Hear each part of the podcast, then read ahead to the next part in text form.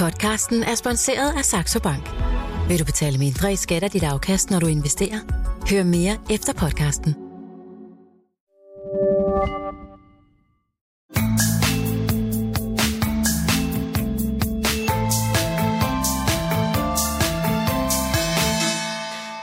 Meget pessimisme har spredt sig i markedet, og som investor skal man forblive helt investeret indtil sommeren rammer. Det mener en af mine gæster i studiet i dag, og derfor kigger vi i krystalkuglen og spørger, hvor man aktiemarkedet skal hen de næste måneder, og hvor man kan overveje at investere.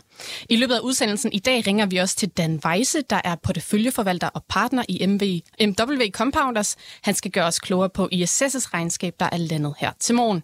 Du lytter til Millionærklubben. Mit navn er Signe Tab og Jens Løstrup. Velkommen til dig. Tak skal du have. Det er jo dig, der mener, at pessimismen har fået lov til at fylde lidt for meget. Du er en erfaren investor med over 50 år i markedet.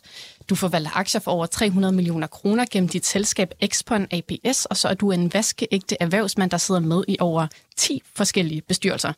Og Jens, når jeg hører det her, så kan jeg simpelthen ikke lade være med at spørge, altså 300 millioner kroner, vanvittigt beløb i mine ører. Hvordan har du skabt dig den formue? Det har været gennem investering. Gennem investering Ja. simpelthen? Ja. Et. Og helt kort, Jens, hvis du skal sige det i en sætning, hvorfor er du optimist på aktiemarkedets vegne lige nu? Jamen, hvis man skal gøre det meget simpelt, øh, så kan man jo sige, at det er jo helt banalt. Aktier skal gerne købes, når de er billige, og hvis de skal sælges, så skal de gerne være dyre. Og det vil sige, hvis man har en periode, hvor det hele er lidt negativt, og hvor kurserne har sat sig lidt, så er det et godt tidspunkt at kigge efter at købe aktier. Øh, Det er ikke det, mennesken, øh, menneskets natur er. Øh, Naturen hos de fleste investorer er, uha, det har sat sig lidt, der er noget frygt. Jeg skal måske skynde mig at tage mine penge og forsvinde. Det er den menneskelige natur, men det er altså det omvendte, man skal gøre. Man skal se efter, om man kan købe, når det er nede, altså købe billigt. Så man skal købe, når alle andre frygter. Ja, Ja. ja, det skal man. Og det er så svært, så svært. De fleste vil gerne købe, når de har haft øh, to, tre, fire år med et fornuftigt marked, der er steget, og naboerne har sagt, at de har også aktier, de har også tjent. Og så vil man gerne være med, og man føler sig tryg og tilpas. Det er der, man gerne vil købe sådan helt naturligt. Og det er der, man skal kigge efter måske at sælge. Det er så man, man skal altså handle omvendt af, hvad man føler, hvis man er professionel. Yes, og Jens, det dykker vi meget mere ned i senere i udsendelsen. Lav, Ja, for- fast porteføljeforvalter, velkommen til dig også. Hvordan øh, står det til ude på markederne her til morgen? Øh, ja, det er 0 plus, øh, og det er jo ikke øh, noget, altså det, det er helt småt, men altså lidt til den gode side. Og øh, vi havde jo faktisk i går en lidt øh, sådan mavesur dag i USA, hvor, hvor ja, først kom der nogle inflationstal fra Tyskland, som var lidt højere. Ikke noget særligt, altså, det, men de er jo obligationsfolk og alle de der, øh, der går op i det, og medierne, der skriver om det, er jo overfølsomme overfor, øh, og der var inflationen en lille smule højere i, i januar end i december, så det, men det var jo ikke så, øh, så godt, men altså, det er ikke noget, der betyder noget. Men det betyder bare, at inflationen ikke falder, kan man sige, ikke så, øh, i Tyskland. Men så kom USA, hvor der til synligheden, jeg læser mere heller ikke, at det der referat fra det seneste øh, rentemøde, FOMC hedder den komité der, og, øh, og det var så øh, noget øh, dårligere, og det er jo så der, hvor alle de her makrofættere sidder og, og dissekerer det til mindste detalje, og vi taler om nu, at renten muligvis vil top på 5,4 procent øh, for øh, Fed Funds, altså den rente, som centralbanken vil, vil låne ud til. Og øh, ja, det synes de så var dårligere, fordi der har været en historie om, at øh, det hele var faktisk godt, og der vil måske nærmest komme nogen landing eller en blød landing, og alt det der. Det, der, det er jo noget røv, og det er nu blæst væk. Ikke? Og øh, så, så, så den øh, USA fik jo sådan en lidt øh, halvsur dag og faldt med, med halvanden procent på Nasdaq. Det er situation, men det er ikke noget småt. Det er bare ligesom, at øh, vi må korrigere forventningerne, og de, som troede, at øh, alt var godt, de skal nok lige øh, korrigere. Ja, og det er altså det her øh, referat fra rentemødet ja. I den amerikanske centralbank, der simpelthen er blevet sendt ud på gaden i går, hvor at der også viser sig, at der har været uenighed. Altså, der er nogle ja. af medlemmerne, der har ment, at der skulle et meget højere renteløft til, end det, der blev. Ja. lagt på bordet. Ja. Ligger, ligger du noget i den uenighed, Lav? Jamen, jeg, det er jo så der, hvor jeg siger, jeg, jeg er jo på det punkt bruger. Jeg hører, hvad de skriver, og, og nogen, der har siddet og fin øh, og på ordene og alt det der. Altså, nej, det gør jeg ikke, men, men jeg, jeg kan øh, sådan set ikke så godt lide, når alle er enige. Altså, det er jo underligt at have, øh, der sidder vist 14 guvernører, de kalder sig for, ikke? i det der råd.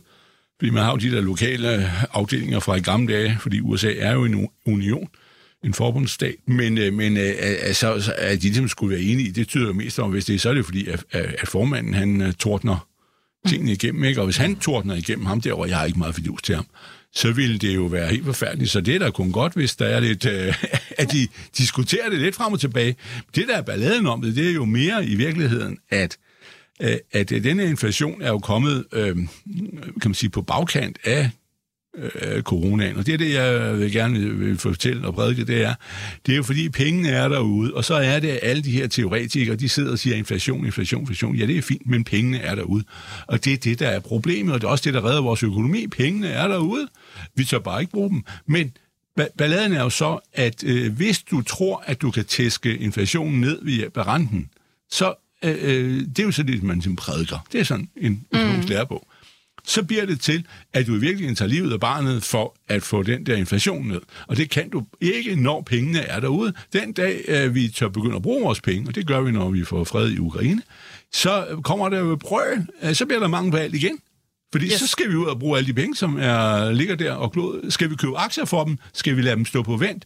Eller skal vi købe goder? Og i øjeblikket har vi sat dem på vent. Godt. Og det dykker vi nemlig ned ja. i senere, for vi skal også snakke om, hvor man skal investere hen, hvis man vil investere lige nu. Ja. Men vi skal altså også lige forbi Genmap, der har udgivet oh, ja. et regnskab i går aftes, og jeg ved ikke, øh, er det et sted, du har penge, Jens Løstrup? Nej, det er det ikke. Det er det ikke. Godt. Har du kigget ned i et regnskab? Nej, og jeg har jo den der med, at jeg havde ejet 11 øh, millioner, hvis jeg havde beholdt dem. Jeg havde købt oh, det på ja. 25. Nå, det er den, du ikke røre. Så, ja, jeg rører den ikke, og øh, nu vil de så købe egne aktier op for, for en halv milliard kroner, det synes jeg jo er at de tjener penge, det er jo vældig godt, og tak for det, øh, at der er noget, der lykkes, og øh, monoklonale antistoffer, det MAP betyder, ikke?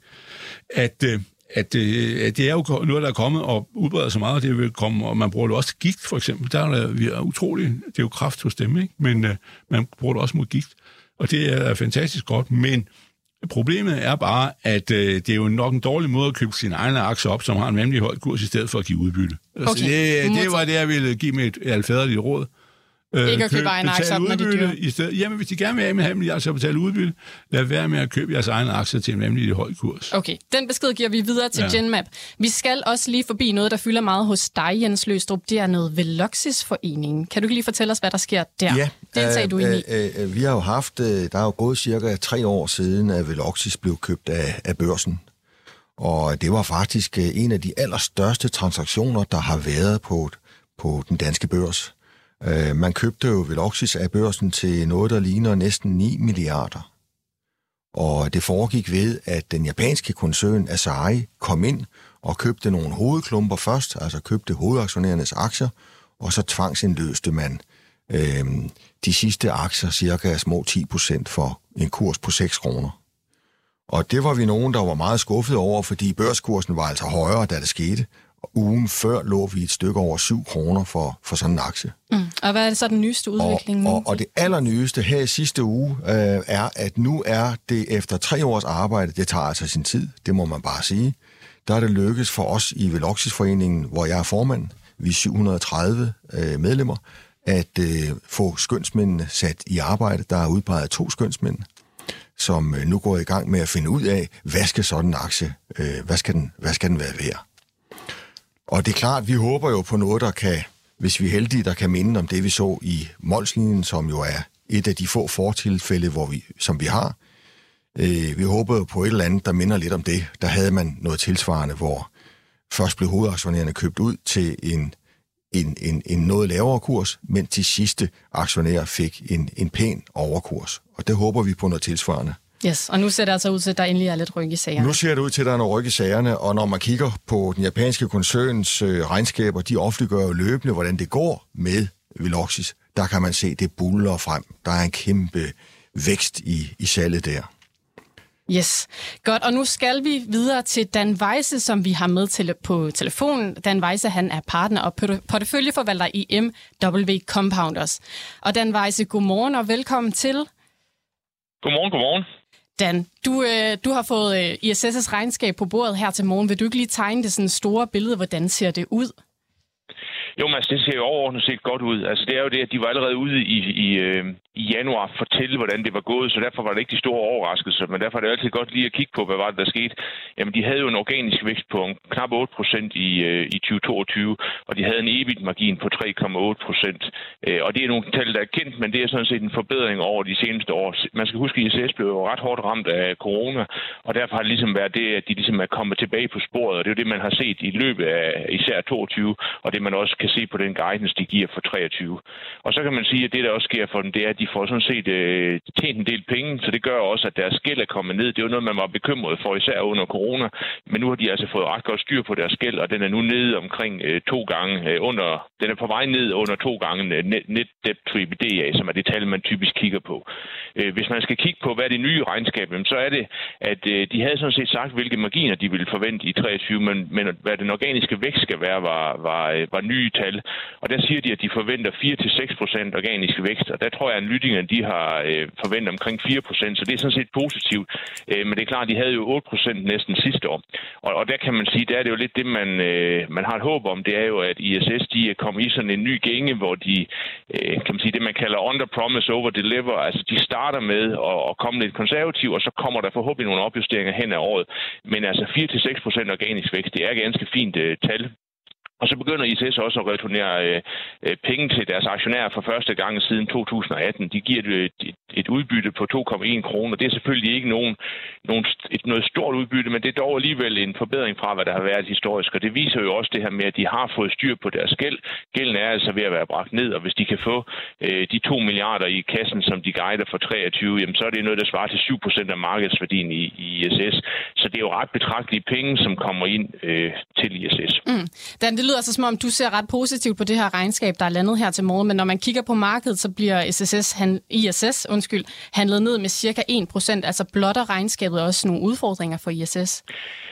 Nej, altså, jeg synes, det der er lidt af det, det, det synes jeg sådan set ikke. Hvis man ligesom skal sige, hvorfor er det, vi købte den her aktie i sin tid, jamen, så var der to ting, vi har, vi har gået ind i den for. Den ene ting, det var sådan en tanke om, at de kommer tilbage på sporet, de kommer tilbage til der, hvor de var før corona.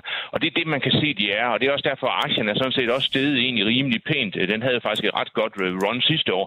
Og det er jo fordi, man ligesom kan se, at de er tilbage. Og det er også det, de her tal, øh, de bekræfter. Så kan man sige, at den anden del, som er også det, som vi har sagt omkring ISS, det er, at de skal være bedre til det, der hedder kapitalallokering investering, som jo er det, vi går rigtig meget op i her hos MW Compounders. Det er det her med, når den organiske forretning er vokset, og man har puttet de penge ind i den, der skal til, hvad gør man så med de penge, der er tilbage? Og der har histori- øh, historisk set ISS jo været helt håbløst på det her område, fordi de har lavet en masse dyre opkøb, øh, og så har de efterfølgende solgt meget af det fra igen til en væsentlig lavere øh, priser. Og det er ligesom det nye, som at sige, hvad er det så, de gør? Og der hænger vi jo vores hat på, at, at øh, den nye direktør, han er mere disciplineret. Og det har han også været indtil videre.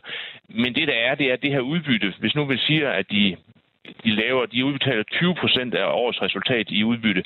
Jamen hvad så med resten? Og det er det, der ligesom er question mark, fordi der er sådan set ved at være rum til, at man kunne gøre noget mere med de her penge. Og øh, det kan være, at der er nogen, der har sat næsten op efter, at der vil komme et tilbagekøbsprogram, fordi det, det kunne man jo gøre, at man kunne sige, jamen jeg vil sådan set øh, købe nogle aktier tilbage. Og, øh, og det er jo også det, vi satser på, der kommer på et tidspunkt, for vi synes jo, ISS, altså hvis bare ISS løber videre med, med de tal, de, de ligesom indikerer nu, jamen så synes vi egentlig, den er ret attraktiv værdiansat. Og hvis man tror det, jamen så skal man jo sørge for at købe nogle aktier tilbage, når de er på en attraktiv værdiansættelse. Så det kan godt være det, øh, der, der gør, at den måske sætter sig en lille smule. Det er nu ikke ret meget. Jeg tror også, det er bare lidt lidt op og ned-agtigt. Jeg vil sige, det, man skal få med at lægge for meget i det. Men, men jeg tror, det kan, det kan nok være, være den ene ting. Og så den anden ting, det er, det kan godt være, at analytikerne de i deres estimater har sagt øh, 4% omsætningsvækst i, øh, i, i 23. Men det er klart, at hvis sådan nogen som os, vi har, ligesom, vi har heller ikke meget højere i vores estimater, men man kunne måske have håbet, at de kom ud og, og, og sagde en endnu højere vækst. Det kan også være det, men der tror jeg mere, det er det her med, at de har altså et ønske om at levere det, de siger, og gerne noget mere. Og det så man jo med en række opjusteringer i, mm. i 22, og det vil jeg sådan set også tro, at med mindre der sker et eller andet voldsomt, så kunne det måske også være et realistisk scenarie. Så det vil sige, at vi er sådan set ret, øh, jeg er egentlig ret positiv på det, vi har set øh, her. Det var som ventet, og det eneste, man kunne sige, det var det her med et aktietilbagekøb, fordi man er lidt bange for, bruger de nu en masse penge på opkøb. Yes. Det tror jeg ikke, jeg virker ret disciplineret, men altså, det er ligesom en risikoen i ISS, som vi ser den. Ja, og den lige mit afsluttende spørgsmål. I har ISS liggende i jeres portefølje, som du også nævner. Kommer den til at ligge der fuldstændig uændret efter dagens regnskab, eller skal I rykke lidt rundt? Nej, sådan noget handler vi ikke sådan så meget på. Altså, vi, øh, vi, øh, vi tager jo det lange seje træk. Altså, ISS er en af vores største positioner, og selvom den har gjort det godt, så er vi sådan set ret positive på, at øh, de er på en god rejse. Altså, vi synes ikke, at man priser aktien i forhold til, øh, at de er tilbage, og de vokser. Hvis de kan vokse øh, 4-5 procent om året og kan have en margin på, på 5 procent, jamen så er det altså en forretning, der kaster ret meget cashflow af sig, som vi så kan få som aktionær forhåbentlig. Yes. Dan Weisse, tusind tak, fordi vi måtte stjæle lidt af din tid her til morgen. Ha' en rigtig god dag. Tak i lige måde. Hej hej.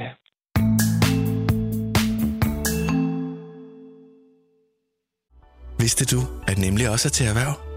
Så i stedet for at bruge tid på at købe ind til møder og frokost, kan du lade os klare det. Imens kan du få bund i dine e-mails, eller høre de seneste anbefalinger fra Millionærklubben. Nemlig også til erhverv.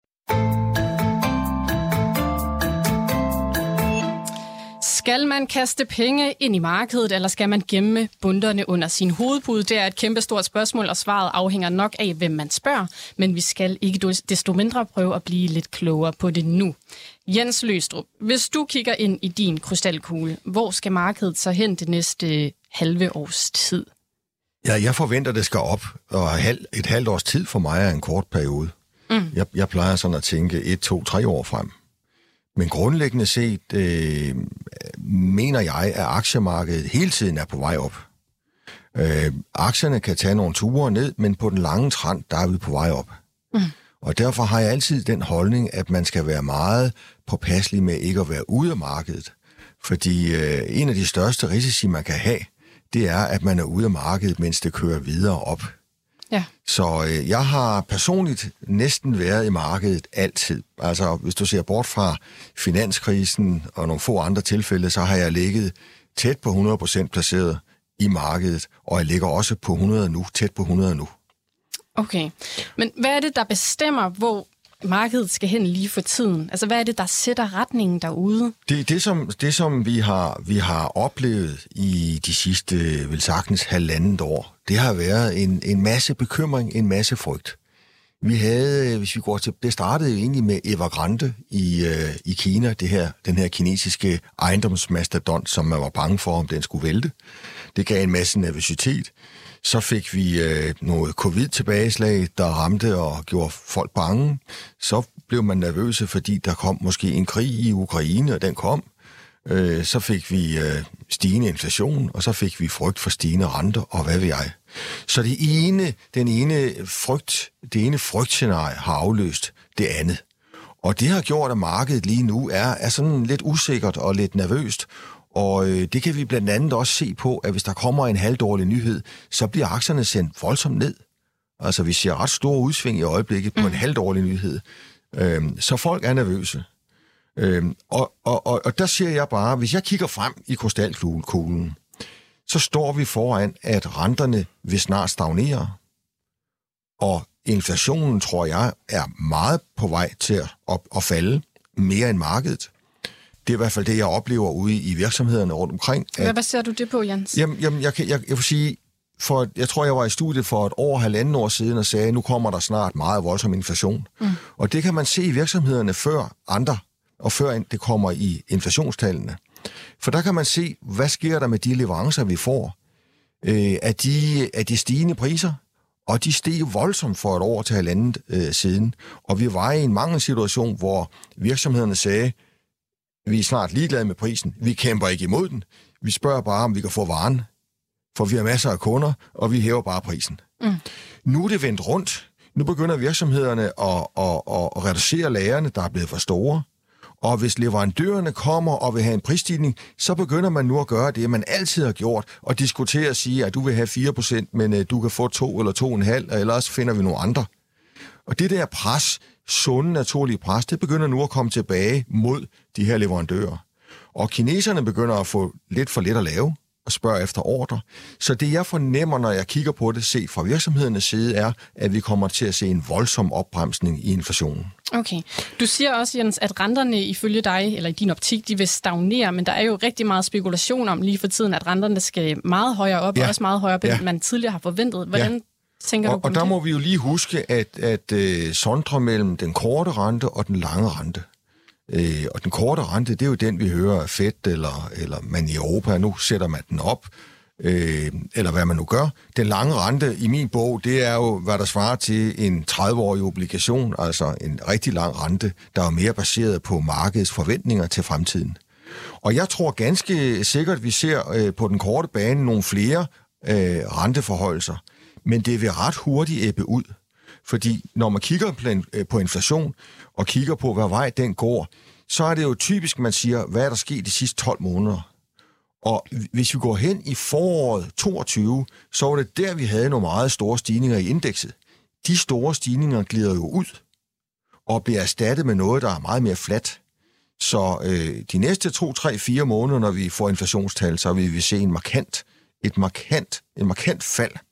Mm. Og jeg kan fint forestille mig, når vi er når vi er 6-9 måneder fremme, så er vi i hvert fald under 4%, måske også under 3% i inflation. Okay. Øh, og, og, og, og sker det, øh, så vil vi jo opleve, at, øh, at, at, at centralbankerne vil tage et pust. Øh, at man vil begynde at vurdere, øh, hvad nu? Hvor skal vi hen nu?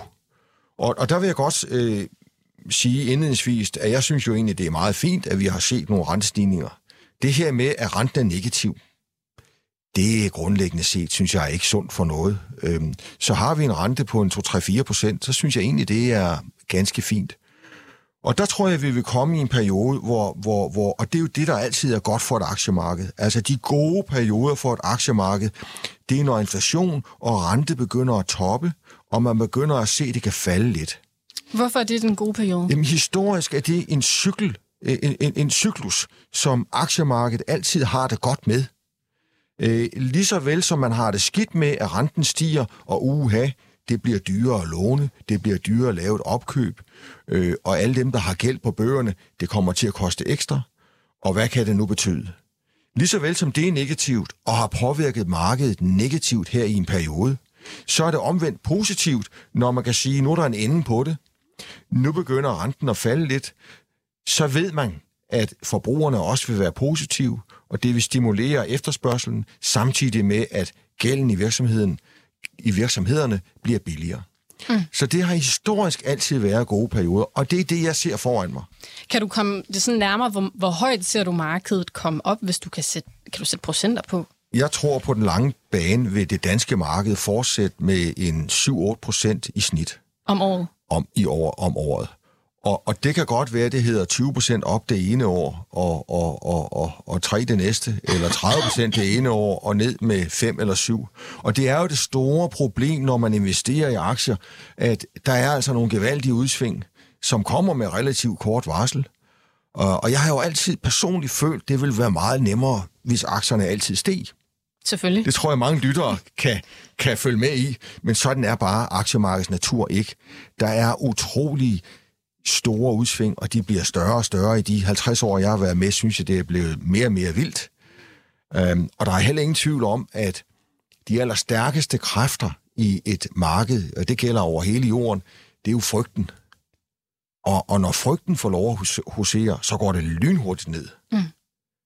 Og C25-indekset, Jens, det er jo allerede steget cirka 4% år til, dato, ja. år til dato, men du ser simpelthen en, en mulighed for, at det sagtens kan ryge op, måske også over de 7-8 procent. Hvis jeg skulle komme med et bud, så, så kunne jeg godt forestille mig, at vi landede med, med, med 15 procent op i år, eller 20, eller, eller 12, eller et eller andet sted mellem 10 og 25 oppe, når hele året er gået. Det kunne jeg fint forestille mig. Oh, det lyder dejligt, hvis det og, spiller Og, og vi skal ud. huske på, at, at en af de store øh, drivers for det, det er jo, at Novo øh, ligger rigtig godt, og alt tyder jo på, at, at det bliver godt over for Novo.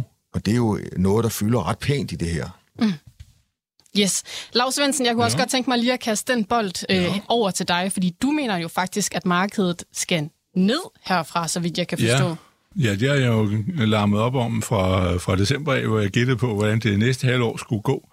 Og, men det er jo øh, altså en V-formation, men det er jo øh, det er jo det, det er jo, det er jo øh, aktier er jo ikke alt sammen øh, det samme var. Og der er det, jeg jo sidder og har talt om, at jeg har jo været i overvis gal på på, på Nasdaq, altså amerikanske IT-aktier.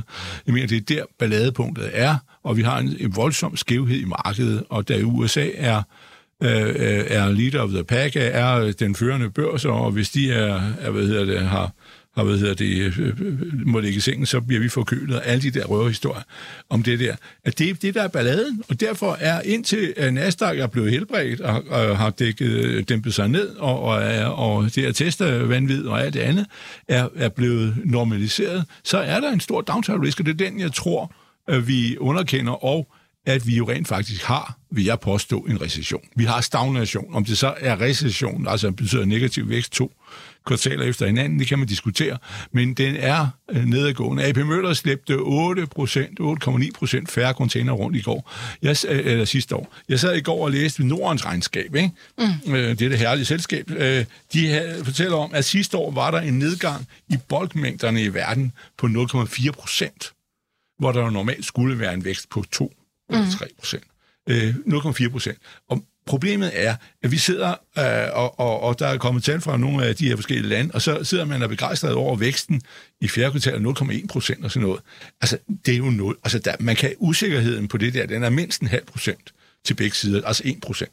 Øh, så, så verden er jo gået i stå, og vi har sådan nogle øh, ordrebøger for byggeri og sådan noget, som kører videre, men er ved at holde op øh, æbber ud, ikke? Og, og, og, og, og, og du skærer ned her, det er alle vejen og sådan noget. Men, men det er verden, det må vi bare erkende, og det er jo ikke nogen ulykke. Øh, fordi også selskaberne vil gerne beholde folk og alt det der, det er jo godt, men og venter på, at der kommer et opsving, men, men verden er gået i stå. Mm. Det er den altså. Hvad mener du? Øh? Ja. Jeg, jeg vil øh, øh bare øh, rose først for Lav for noget, han sagde lidt tidligere, hvor mm. han jo siger, at øh, det her med uenighed omkring renten, at det kunne Lav godt lide, og det, det synes jeg er rigtig godt med. Og, det, og det, det samme gælder jo her. Vi ser forskelligt på det, ja. Lav, hvad, hvad og det er jo det, der giver en, en sund debat. Ja, ja, ja. Og, og, og det er jo et, et paradoks, at alle, der er i aktier, øh, et eller andet sted, øh, er lidt fascineret af den uenighed, der er.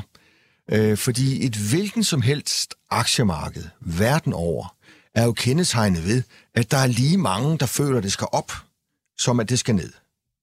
Ja. Altså, hvis det nu var, at der var 60 procent, der syntes, det skulle op, og 40 procent, der syntes, det skulle ned, så ville det jo stige, til der igen var ligevægt. Så det er en, en daglig krig, kan man sige, med lige mange, ah, lige mange der synes... Øh, altså, kur, en kurs, der lander et givet niveau, den lander netop der, fordi der er ja, ja. lige meget på køber- og på sælgersiden, dybest set. Og ellers justerer den sig til, der igen er i balance. Åh, oh, men der er lige... Jeg, vil, godt, vil, godt, jeg vil godt lige sige, lige, lige gøre færdig her, og så skal ja. du få ordet. Ja. Når vi har haft den her voldsomme inflation, og stadigvæk jo har noget, så er det egentlig meget simpelt at forklare, hvorfor.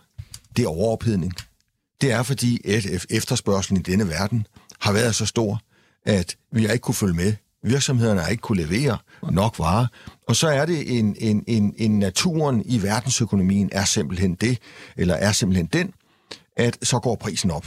Hvis der er for mange, der vil have en vare, og i forhold til det antal varer, der er, så går prisen op. Og det er det, vi har set.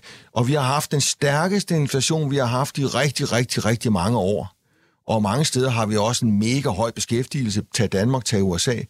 Så i min bog er vi i ikke en overophedet situation, men det er tæt på. Vi har gode konjunkturer lige nu. Der er ingen virksomheder, der melder om nogen seriøs tilbagegang. Tværtimod. Mm. Nå, det eneste, jeg vil sige om, du har bare, at, at du har ret i, at det er jo også derfor, at, at markedet ikke øh, bare stiger hver dag. Ikke? Og det er jo, hvis den gjorde det, så ville det jo ryge op som en raket, fordi så, og så ville det begynde at falde derfra. Ikke? Det er jo ligesom balladen på aktien, men, men det er ikke rigtigt, at der er lige mange, der køber og sælger, fordi pointen er, at vi har forskellige øh, kapitalstyrke. Og det er jo det, der er, altså det er ikke ligegyldigt, om, om, øh, om, om øh, jeg mener noget, eller MyInvest, eller ATP, eller nogen andre mener noget. Og det er det, der er et af problemerne jo, at hvis øh, man tænker sig et struktur, hvor alle idioterne, dem som øh øh, øh, øh, presser aktierne op, de siger, at det skal op.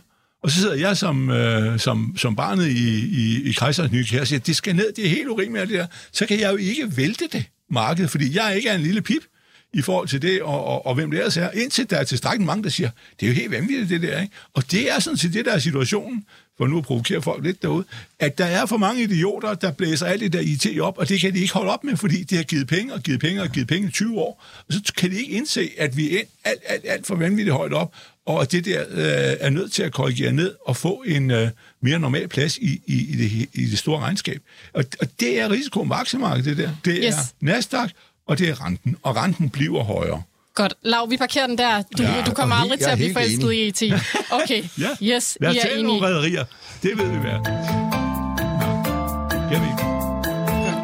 Du lytter til Millionærklubben i dag med Jens Løstrup og Lars Svendsen. Husk, at du kan sende spørgsmål direkte ind til mig her i studiet på sms 42 42 03 21. Start din sms med Mio, og så kan det være, at jeg sender dit spørgsmål direkte over til de to herrer. Vi tager nemlig ekstra mange spørgsmål i dag, for lytternes dag er skubbet til hjørne i morgen, hvor Bodil Johanne Gansel i stedet har krigen i Ukraine på programmet. Der tror jeg faktisk også, du skal være med, Lars. Skal Ja, du jeg har regnet noget nyt ud. Yes, godt. Det kommer i morgen. De her, jeg kunne godt lige tænke mig at stille jer et spørgsmål, vi har fået ind på sms'en. Det er fra Thomas, og jeg synes, det tapper meget godt ind i den diskussion, I også har. Han skriver, Jeg synes, I skifter syn på markedet hver dag fra blå himmel og fin aktieudsigt til bål og brand og selv alt. Skal man bare købe på de dårlige dage og sælge på de gode, spørger han Jens Løstrup. Jeg var i studiet i september og sagde nøjagtigt det samme. Jeg så positivt på markedet. Så jeg skifter ikke, og jeg tror, jeg har sagt det stort set hver gang, jeg har været. Jeg er positiv, og, og, og, og, og jeg mener helt sikkert, at øh, han, man skal, man skal, han skal købe, og han skal blive inde.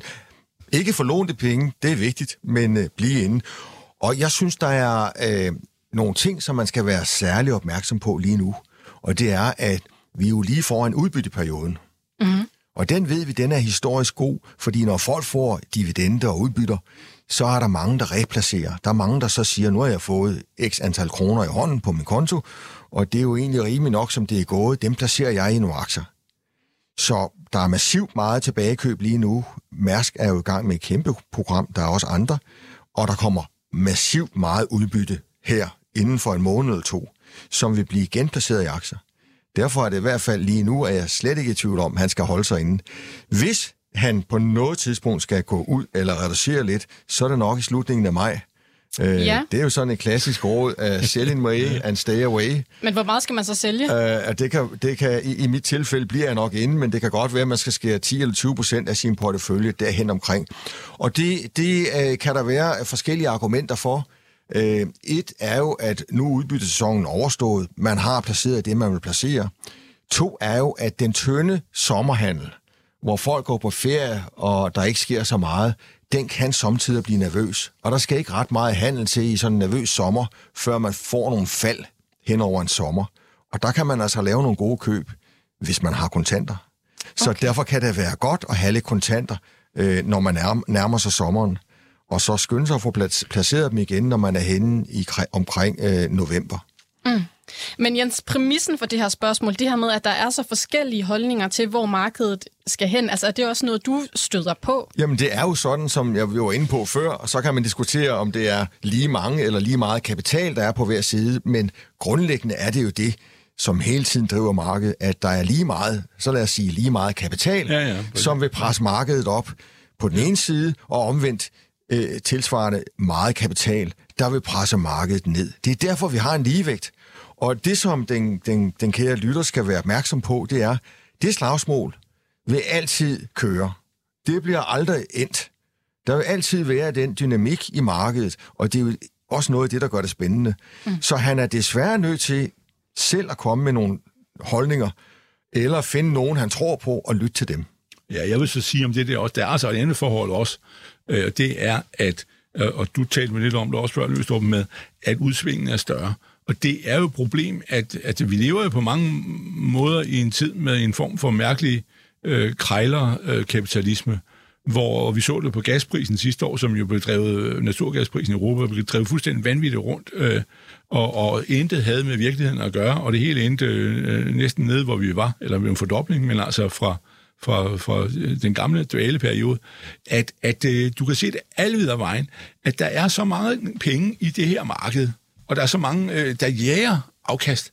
Altså snart de kan se et eller andet, det kan være hvad som helst, om det er uran, eller det er øh, oksekød, eller det er aktier i, øh, i, i olieselskaber, eller noget som helst. Altså vælter de ind, så snart der er noget, og det er et problem. Fordi der er ligesom, og det er jo det, der så gør, at nogen en dag, så råber de op om, uh, alt er godt, og centralbanken vil nærmest begynde at sætte renten ned allerede nu, og bla bla bla, og køb, køb, køb, og dagen efter, så falder de øh, 3%, og så siger de, nej, nu er det helt forfærdeligt, osv.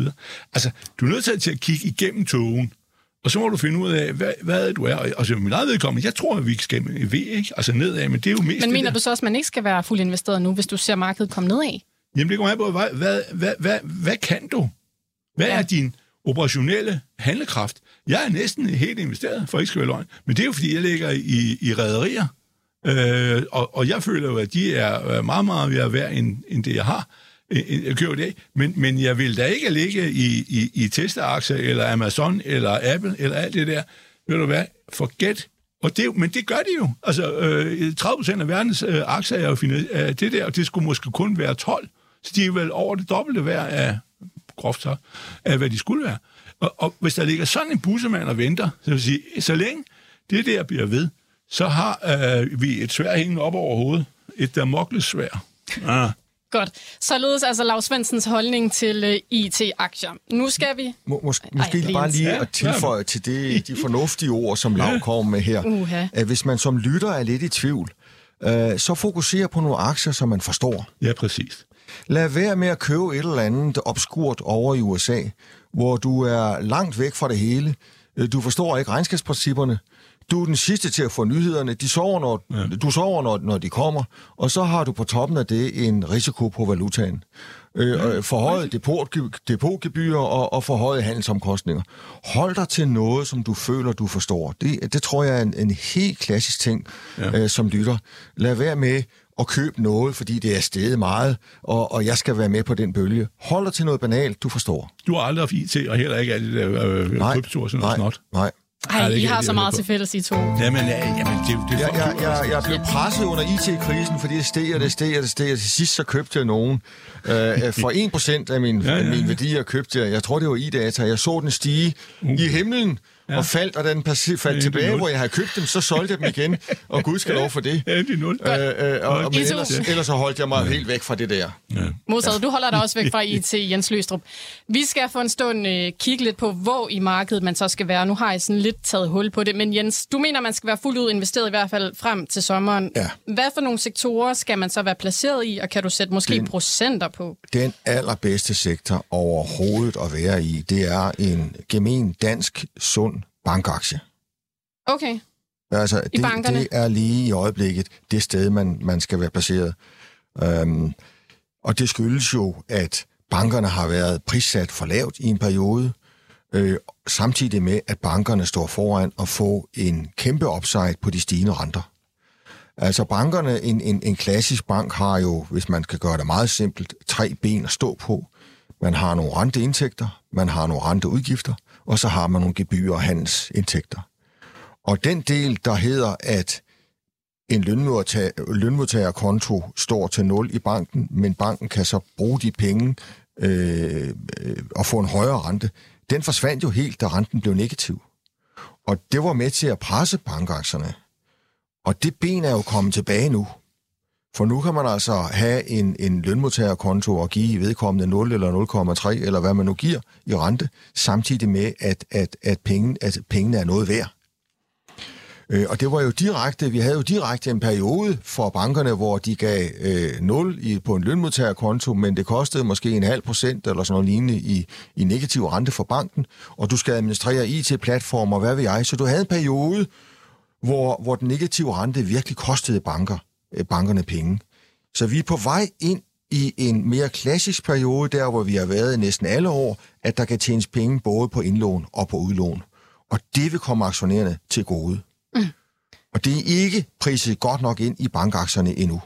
Okay, så altså bankaktier som et godt aktiebud? Bankaktier som sådan generelt. Jeg vil ikke være bange for at have en 30-35 procent af, af, af de midler, man nu engang har, placeret i bankaktier i den næste års tid. Okay, det er jo forholdsvis en, en stor mængde. Det er en pæn man... klump. Man kan så vælge at fordele dem lidt på et par banker, øh, men, men, men det er synd og skam ikke at være med. Jeg, sagde det, jeg har sagt det samme et par gange i Millionærklubben øh, sidste år, og, øh, og, og, og bankaktierne er jo kørt en del op, men meget langt fra, hvad de bør. Okay.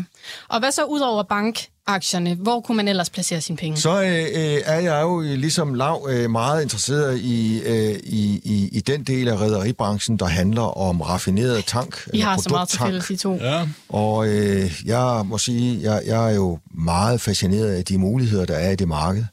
Øh, og det, men der vil jeg så skynde mig at sige, øh, at, at den lytter, der overvejer det her, at en bankaktie, det er sådan en forsigtig ting. Øh, køber du den og beholder den, så går det ikke helt galt. En rædderiaktie, når det er produkttank, er spekulativ.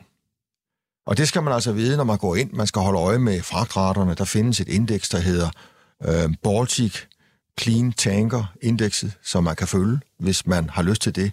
Jeg hørte en, en øh, tidligere øh, øh, skibsmand, der sagde, at nogen følte, aktie, at, at ejendomsmarkedet var noget, der kunne gå op og ned. Men ejendomsmarkedet, det er en flad pandekage, ja. Ja. hvis du sammenligner det med tankers. Der sker der noget, der er smæk for skillingen, ja. og, og, og, og, og jeg vil næsten sige, at det er svært at se en uge frem, når man snakker øh, rater. Alle har spået, at de skulle stige her øh, i, i denne her tid, og nu er de faktisk faldet de sidste tre dage, og den faldt faktisk pænt i går aftes. Så det er altså noget, hvor man skal være klar over, at går man ind i det marked, så tager man en risiko. Okay. Jens, vi to vi snakkede faktisk også sammen tilbage i november. Der interviewede jeg dig til en artikel, hvor du skulle pege på tre aktier, der ville være gode i 2023. Kan du huske, hvad for nogen du pegede på? Det har nok været de samme. Det har det nemlig. Det var ja. Norden, Torm og Jyske Bank, som ja. du alle sammen ejer en, en ret stor lunds af ja. faktisk. Holder du fast ved, at de gode investeringer stadigvæk? Jeg håber jo, nogen øh, har læst din artikel dengang, og jeg håber jo, at nogen har, har, har købt, fordi de tre er jo, er jo raketter. Og jeg havde dem hele sidste år, og, og jeg landede faktisk i øh, 29 procent i afkast øh, samlet på min portefølje sidste år, hvor markedet jo var nede med en 12-13 procent. Og det var, fordi jeg satte så tungt, så hårdt på, på de her. Jeg ligger stadigvæk i de tre, øh, og har ikke solgt noget som helst i perioden. Okay. Så, så jeg tror stadigvæk på, at, at, at der er øh, nogle gode muligheder i de her aktier. Øh, der, hvor jeg måske er, er, er ikke utryg, men, men hvor jeg føler mig, kan man sige, mest spændt på, hvad der vil ske, det er jo tankmarkedet. Fordi det er så svært at forudsige, hvad der kommer til at ske. Øh, grundlæggende mener jeg, at vi har for få skibe til den øh, fragt, der skal transporteres, og der er ikke rigtig nye skibe på vej. Det kan man se. Der er lille smule ordre i øh, 23, der bliver leveret, mindre i 24 og endnu mindre i 25. Og det sker jo samtidig med, at, at flåden er ved at blive meget forældet. Man regner med, at når du kommer op på en 15-20 år for sådan en tankskib, så er der altså ved at være tid til at skrotte det. Og, og, og der skal man huske på, en meget stor del af den flåde, vi har sejlende lige nu, den er jo købt og leveret i højkonjunkturen lige inden finanskrisen. Så vi er henne i 2006, 7, 8 stykker, og lægger vi 15 år til det, så kan vi godt se, at vi står foran, at der skal skrottes ret meget. Mm. Så derfor mener jeg sådan helt strukturelt, at, at uh, det bør være et marked, hvor der er gode muligheder for at tjene nogle gode penge. Modtaget. Og Lav, ganske ja. kort, fordi vi skal ja. til de der gode spørgsmål, vi ja, har fået ja, ja, ja, ja, ja. Jeg vil bare gerne lige smide den op af dig, ja. fordi jeg ved, du har jo solgt ud, helt ud ja. af Torm, også ret meget ud af Norden. Nej. Nej, ja, jeg har solgt Norden, Norden og købt Norden tilbage, så okay. jeg er, men jeg sidder og venter på at sælge Norden, ja. Men hvorfor har du solgt ud? Jamen, nu er jeg måske mere kortsigtet end, øh, end, øh, en Østrup og jeg, øh, jeg har faktisk også næsten helt øh, investeret mig indrømme, men, men øh, altså privat, og det, men, men det er jo så, fordi jeg putter pengene i, i øh, LPG-skibe og i, øh, hvad hedder det, tank, øh, rigtig råolietanker. Råolietanker er betydeligt bedre. I dag kommer der faktisk regnskab fra et firma, der i virkeligheden nærmest er dansk oprindeligt, der hedder TK, øh, over i USA. Øh, TNK er tankskibsrederiets øh, navn, den har jeg. Og de er jo i 100, og Aframax og Suezmax er 110.000 og 150.000 tonner. Og lille smule LR2, øh, de store, øh, største produktbåde også. Men, øh, men de kommer regnskab i dag, og det skulle gerne blive helt fantastisk. Øh, og øh, hvad hedder det... Øh, det, det er sådan set der, jeg er. Men det sjove er jo, at Løstrup og jeg har jo siddet, ja, vi har jo ikke talt sammen, men altså, jeg har jo også haft Jyske Bank. Den har jeg solgt de sidste år på 4,75. Mm. Jeg har haft øh, Torm, og vi har næsten købt samme niveau. Jeg tror, du har købt lidt billigere end jeg. Øh, men jeg har gået ud af Torm, og jeg siger, nu tror jeg, at nu er det, øh, den måde, også de lever med spotmarkedet på, er nok ved at være nogenlunde overstået. Jeg tror ikke, at de, de falder, men jeg tror bare, at de flader ud. Og så finder jeg noget, som kan give et højere afkast. Det er jo et afkastvurdering, ikke? Og så er jeg Norden, og Norden håber jeg får 500 for. Og når 500, så vil jeg sige, så vil jeg sælge øh, i hvert fald øh, to tredjedel. Og, øh, og fordi det er sådan der, husk os selv, husk os selv, husk os selv. For ellers risikerer du at tage den hele vejen ned igen, når noget, hvis der bliver fred i morgen i Rusland, og de skal spytte olie ud til højre og venstre, du, så uh, produkttanker, ja, ved du hvad, du, du kan sejle en tur op fra uh, Primorsk og en tur ned til, til Rostock og tilbage igen, ikke? Nu, de sejler fem gange så lang afstand, siger de, uh, hvis du skal hente olieprodukter i Mexiko-golfen og i Mellemøsten Yes. til Europa. Så, så hvad hedder det, uh, man skal lige huske uh, den der uh, perspektiv. Men uh, det, er jo, det er jo et valg, jo. Godt lav. Man skal huske at sælge, det var altså budskabet fra dig. Ja. Vi skal altså over den der spørgsmålskasse. Jeg ved godt, I begge to så gerne vil snakke om rædderier i to. selv. Husk, at til dig, der sidder derude og lytter med, du kan sende et spørgsmål ind til mig i studiet på 42 42 03 21. Husk at starte din sms med Mio. Men vi bliver lige i de der rædderier lidt endnu, fordi Jens, der er kommet et spørgsmål til dig. Det er Kasper fra Vesterbro, der skriver, hvad har Jens af kurstrøm for hans Starlingstorm og Norden? Uh, det er et godt spørgsmål, og det er jo altid godt at komme med spørgsmål, der er svært at, at, at, besvare. Ja. Øhm, det, det, jeg kan faktisk ikke sige, at når den når et eller andet bestemt kurs, så sælger jeg. Øhm, det, jeg kan sige, det er, at jeg forventer, at raterne vil udvikle sig gunstigt. Øh, og jeg vil løbende tage bestik af, hvor meget der så kan tjenes, øh, før jeg vil sælge. Hvis raterne udvikler sig gunstigt, øh, som jeg håber på, så kan jeg fint forestille mig, at vi kommer op på Torm op over en 3, måske op og nærmer os 400 i kurs. Øh, Norden, det er, er måske en lidt lavere kursstigning, fordi man har så meget på termin i, i, i, i, i Norden. Altså det grundlæg, den grundlæggende forskel på Torm og på Norden er, at Torm er sådan set helt nøgen derhen, at man har ikke sikret sig, man laver ikke lange kontrakter. Det vil sige, hvis, hvis, hvis spotmarkedet, hvis fragtmarkedet går op, så får man omgående et plus på det. Og det gør man ikke i Norden, fordi der har man lavet nogle længere kontrakter. Det, jeg, jeg, jeg, jeg, jeg, synes, man skal være klar over som lytter også er, og det synes jeg også, Lav skal have med i betragtning, når man snakker salg, det er, at begge steder udløjer man jo massivt af sit overskud. Og det vil sige, at Norden kommer her om, øh, jeg tror meget få dage med 30 kroner. 9. i tredje er der gjort sammen. Ja. 30 kroner per aktie, og det er altså en pæn lunds i forhold til den nuværende kurs. Torm lavede sin udbyttepolitik om i maj sidste år, og har der besluttet øh, stort set at udløje hele overskuddet hvert kvartal. Og øh, nu er det lidt, øh, lidt usikkert øh, første gang her, for man har lige købt nogle nye skibe. Jeg tror, det var syv. Øh, Ja. ja. Eller et skibe, tror jeg, det var. Ja, for 293 millioner Og, og, dollar. og, og det giver lige lidt usikkerhed om udlodning, men, men, men det er ikke helt skævt at tro på et sted mellem 5 og, og 7 procent i udlodning. Jeg forventer, at Torm kommer med øh, record high, øh, største overskud ja. nogensinde i fjerde kvartal, ja. i Rederiets historie i fjerde kvartal, øh, når det bliver offentliggjort om, om ikke så lang tid, og at det meste vil blive udløjet. Og, og derfor skal man sådan set huske på, at det at ligge med de her, og løbende få de her massive udbytter, som jo altså kan, kan løbe op i, i, i 15-20 procent om året, hvis det fortsætter sådan her, øh, eller mere end det.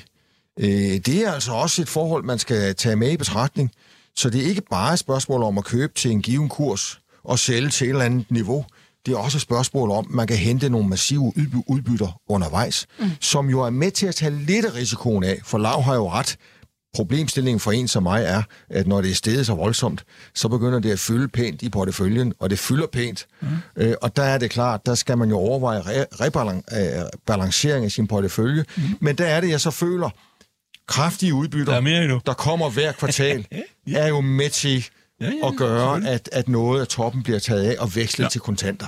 Jo, jo, det er klart. Men Yes. altså, du vurderer, hvad egenkapitalen værd jo på skiben, øh, altså, fordi det er jo trods alt, øh, når alt kommer til alt, er det egenkapital, og så er egenkapitalens øh, rentabilitet, ikke forretningen. Men altså, Norden har 422 i indre værdi, er vurderet med skibe til markedsværdi, ja. og optioner indregnet også. Men så har han jo operationsafdelingen, som jo øh, formentlig er 100 kroner værd, ikke? så er vi oppe på 520. Ikke? Altså, det, det er jo, altså, du kan jo styre efter sådan nogle ting. Det er jo ikke bare ud, tal ud i blå luft. Og, og der, der havde Lav jo meget ret før, da vi talte om et andet selskab, der købte aktier op alt for dyrt i tilbagekøbsprogrammet. Ja, ja, ja. Norden kører jo op konstant. Ja. Er konstant i gang, og de kører faktisk, hvad der svarer til cirka 10 procent af, af selskabet gjorde det sidste år. Ja, det og de kører til under kursindreværdi. Altså man køber en krone Ja, for, ja. for 80 øre eller 85 øre, og det er jo en hammerende god forretning. Ja. Så, Og det gjorde Jyske Bank også. så, så jeg vil sige til lytteren, måske en halv gang op for at gøre det meget simpelt. Øh, men det afhænger af, hvor længe du er i markedet. Fordi mm. hvis, du er, hvis, det, hvis vi er tre år undervej, undervejs, og det fortsætter sådan her, jamen, så kan det godt være, at det er en dobler. Yes.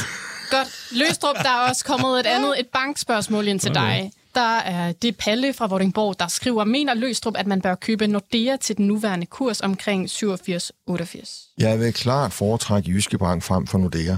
Jeg og det siger er, du ikke bare, fordi du er stor aktionær? Jeg har en halv procent i Jyske Bank, og, og, og, og det er min største aktiepost. Det skal jeg ikke lægge skjul på. Men det, der er, er, er helt særligt for Jyske Bank, altså den, har, den aktie har alt det, man kan drømme om for en bankaktie. Øh, rutineret ledelse, øh, en, en for lav pris, en for lav kurs. Man er stadigvæk øh, under øh, kursindre værdi, altså man køber stadigvæk aktien for underkurs i forhold til, hvad der er værdierne i, i banken. Og så har man jo den fænomenale situation, at man har købt Handelsbanken på attraktive vilkår. Øhm, Handelsbanken blev jo købt på et tidspunkt, hvor renten var anderledes, og nu er man i gang med at fusionere, og det går rigtig godt.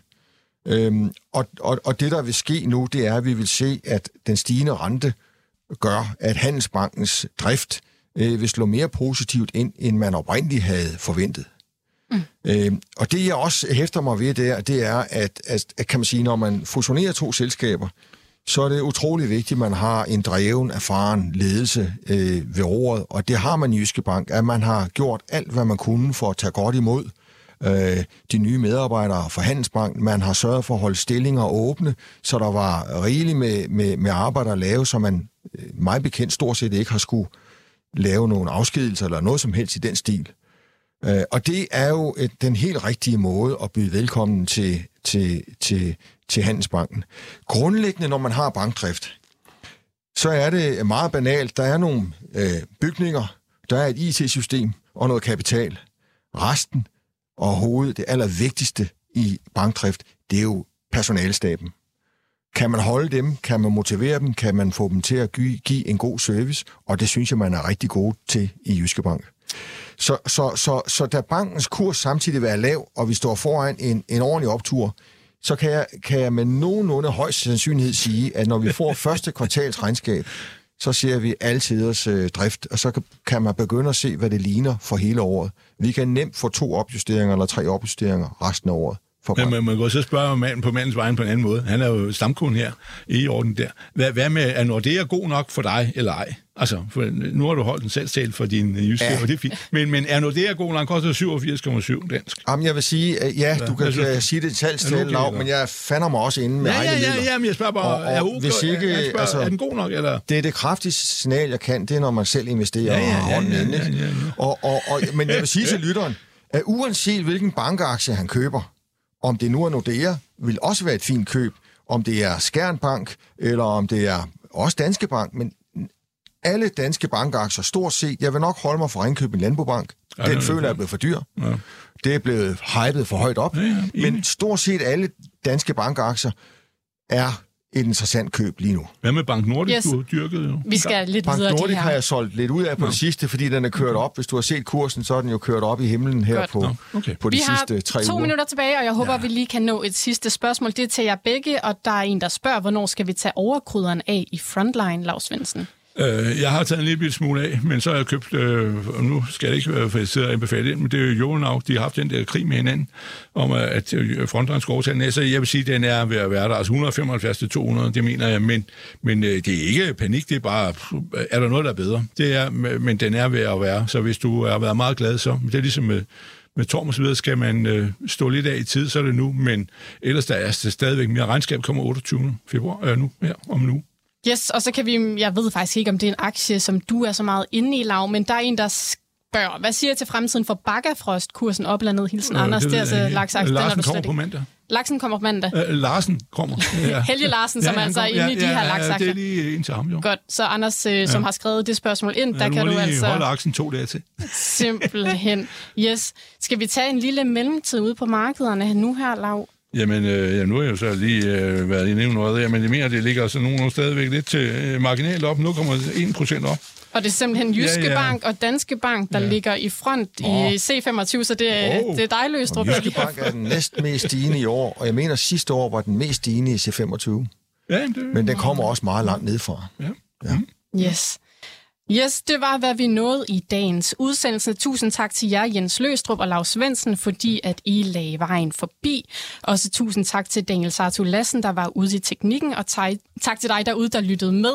Bodil Johanne Gansel, hun er simpelthen med i morgen, også sammen med Dag, Dejlav og en Anna Libak, og øh, jeg kan ikke lige huske, hvem den sidste er, men I skal simpelthen snakke om krigen i Ukraine.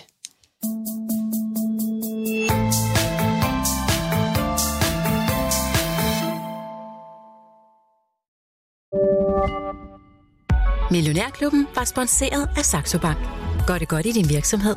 Hos Saxo Bank kan du få dine overskydende midler til at vokse med en investeringskonto, hvor du også kan få op til 3,05% i positiv rente uden binding. Det er nemt og gratis at oprette en konto. Der er ingen konto og depotgebyr, og der er ingen binding, så du kan altid investere eller trække dine penge ud. Kom i gang allerede i dag på saxobank.dk.